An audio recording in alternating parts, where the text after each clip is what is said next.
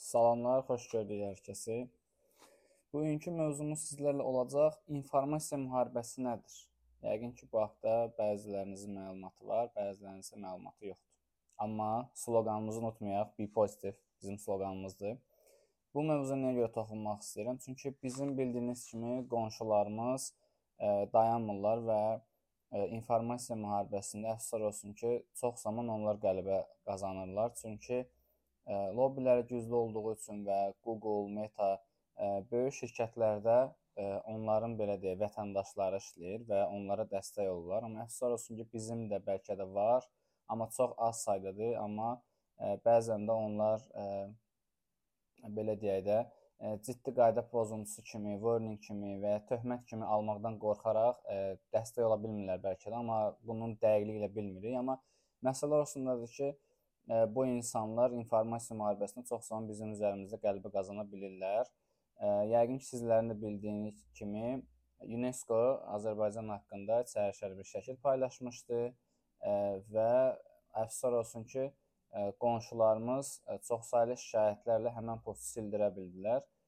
Bu təcrübə bizdə hardan yana? Bu təcrübə əvvəl də var idi. Yəni əvvəl 2-ci Qarabağ müharibəsində də, iyul-aprel döyüşlərində də bu hallar baş vermişdi və onlar saxta profillər açaraq, TikTok, Instagramda Azərbaycan kəşfiyyətinə düşərək manipulyasiya edirdilər. Yalançı xəbərlər paylaşırlar, insanları manipulyasiya edirlər. Və ona görə sizlərə tövsiyəm budur ki, hər hansı bir xəbər görərkən ə, xəbərin dəqiqliyini araşdırın. Yəni düzgünlüyünü araşdırın ki, həqiqətən bu xəbər varmı, gerçəkdir. Ondan sonra paylaşım edə bilərsiniz, rəy yaza bilərsiniz. Çünki Bu hallar çox gördük, çox səhifələr açılmışdı. Mən də bir gənc kimi özümə bir vətən borcu bildim ki, bu işdə mən də dayanmadan işləməliyəm. Hətta 2-ci Qarabağ müharibəsində mən də belə gecələr az yatıb daim Twitter, Facebook daha aktiv idim. Çünki bu iki sosial şəbəkə üzərindən bir növ manipulyasiya edirdilər. Tanınmış məşhurların səhifələrinə belə deyək, hücum çəkib rəylərdə bildirirdilər ki, Azərbaycan işğalçı ölkədir, Azərbaycan işğal edir. Və biz də biz gənc olaraq qruplar şəklində ə, biz də müdafiə qalaları belə deyə inşa edirdik və biz də göstərirdik ki, Azərbaycan işğalçı dövlətdir. Sadəcə artıq ə, 30 ildən çoxdur ki, Azərbaycan torpaqları işğal olunur və Azərbaycan öz torpaqlarını geri qaytarır.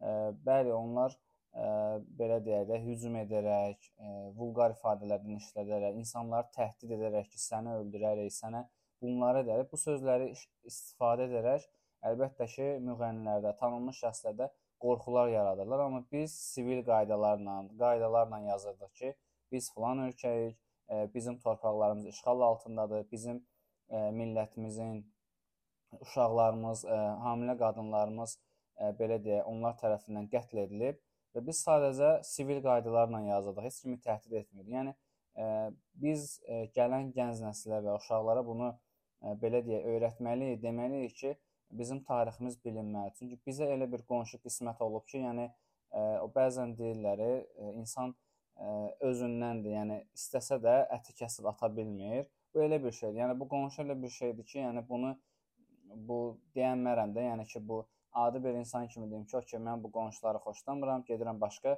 məsəl üçün ə, şəhərin başqa yerində yaşayım, kənddə yaşayım, bunu edə bilirik. Amma əfsuslar olsun ki, ə, biz vətən üçün, dövlət üçün bunu edə bilmirik. Ona görə informasiya müharibəsi çox vacib amildir və ən əsas yük burada düşür gənclərin üzərinə. Çünki gənclərin asuda vaxtları çoxdur və ə, e, bunu etmək lazımdır. Çünki mən çox zaman rastlaşmışam, ə, e, bunu paylaşarkən bəzi insanlar yazırlar ki, niyə bunu edirsən?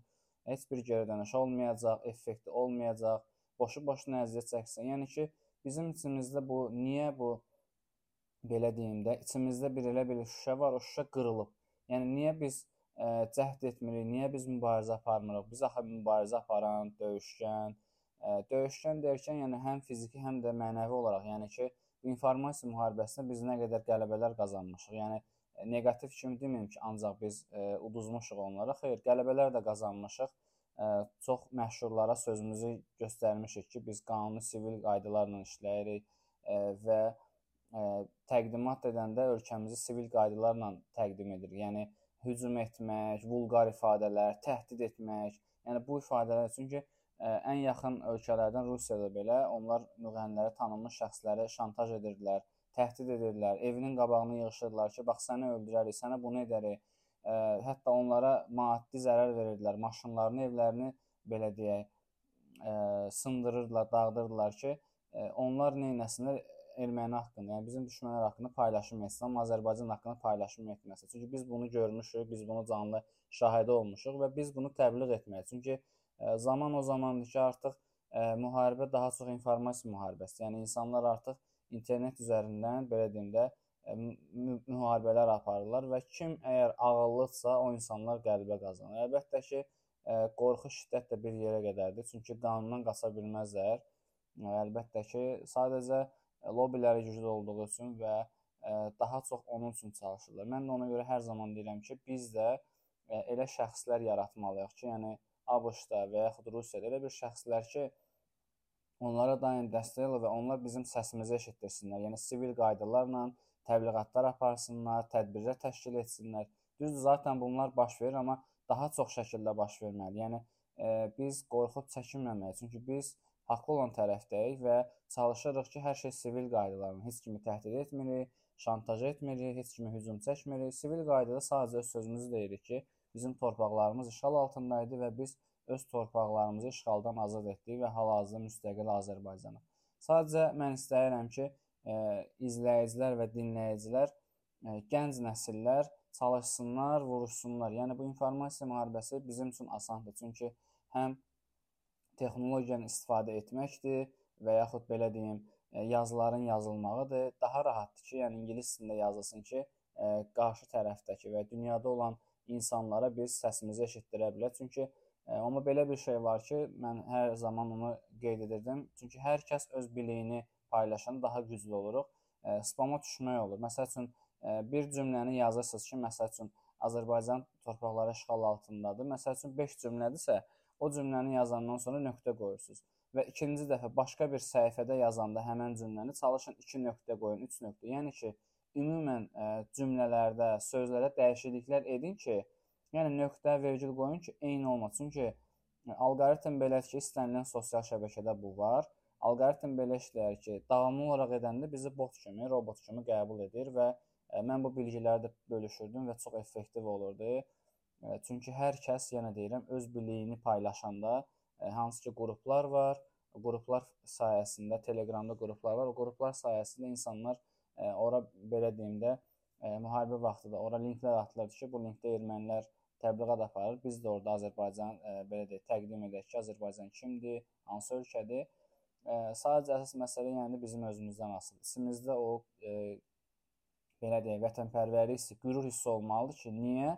Ə, haqsız olan insan qələbə qazanmağa çalışır, ya özünü ə, haqlı tərəf o, haqlı tərəf göstərməyə çalışır. Ə, sizlərdən ə, ilk öncə xahişim, ə, xahişim budur ki, ə, çalışın bu müharibədə, informasiya müharibəsində ə, passiv yox, aktiv olun.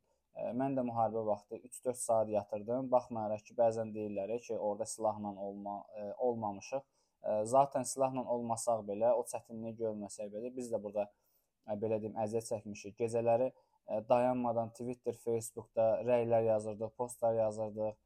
İngilis dilində nə qədər mətnlər hazırlayırdıq ki, qarşı tərəflərə hardakı paylaşımlar olursa, hansı ölkələrdə paylaşımlar olursa, orada səsimizi göstərək. Çünki ermənilər yenə qeyd edirəm, şiddətlə, təhdidlə özlərini göstərirlər və onları elə tanıyırlar, vulqarizm kimi tanıyırlar, amma biz elə insanlar deyilik, biz elə millət deyilik və biz öz təbliğatımızı aparırıq ki, insanlar bizi sivil qaydalarla tanısın. Biz kimik, e, harda yerləşirik, niyə görə bizim torpaqlarımız işğal altındadır və niyə biz e, hücum etdik? Çünki öz torpaqlarımızı azad etmək üçün. Yəni bunlar hamısı e, bizim özümüzdən asılıdır və biz e, bir olsaq, bir-birimizə dəstək olsaq, inanın ki, nəinki erməni istənilən e, ölkə ilə informasiya müharibəsində qələbə qazana bilərik. Ümid edirəm ki, sizlər üçün sıxıcı olmadı. Dinlədiyiniz üçün təşəkkür edirəm. Əgər rəyləriniz, suallarınız olarsa, sosial şəbəkələrdən, Instagram, Facebook və istəsəniz WhatsApp ilə yaza bilərsiniz. Hər hansı suallarınız olarsa, onları da sizlərə geri dönüş edərəm. Təşəkkürlər.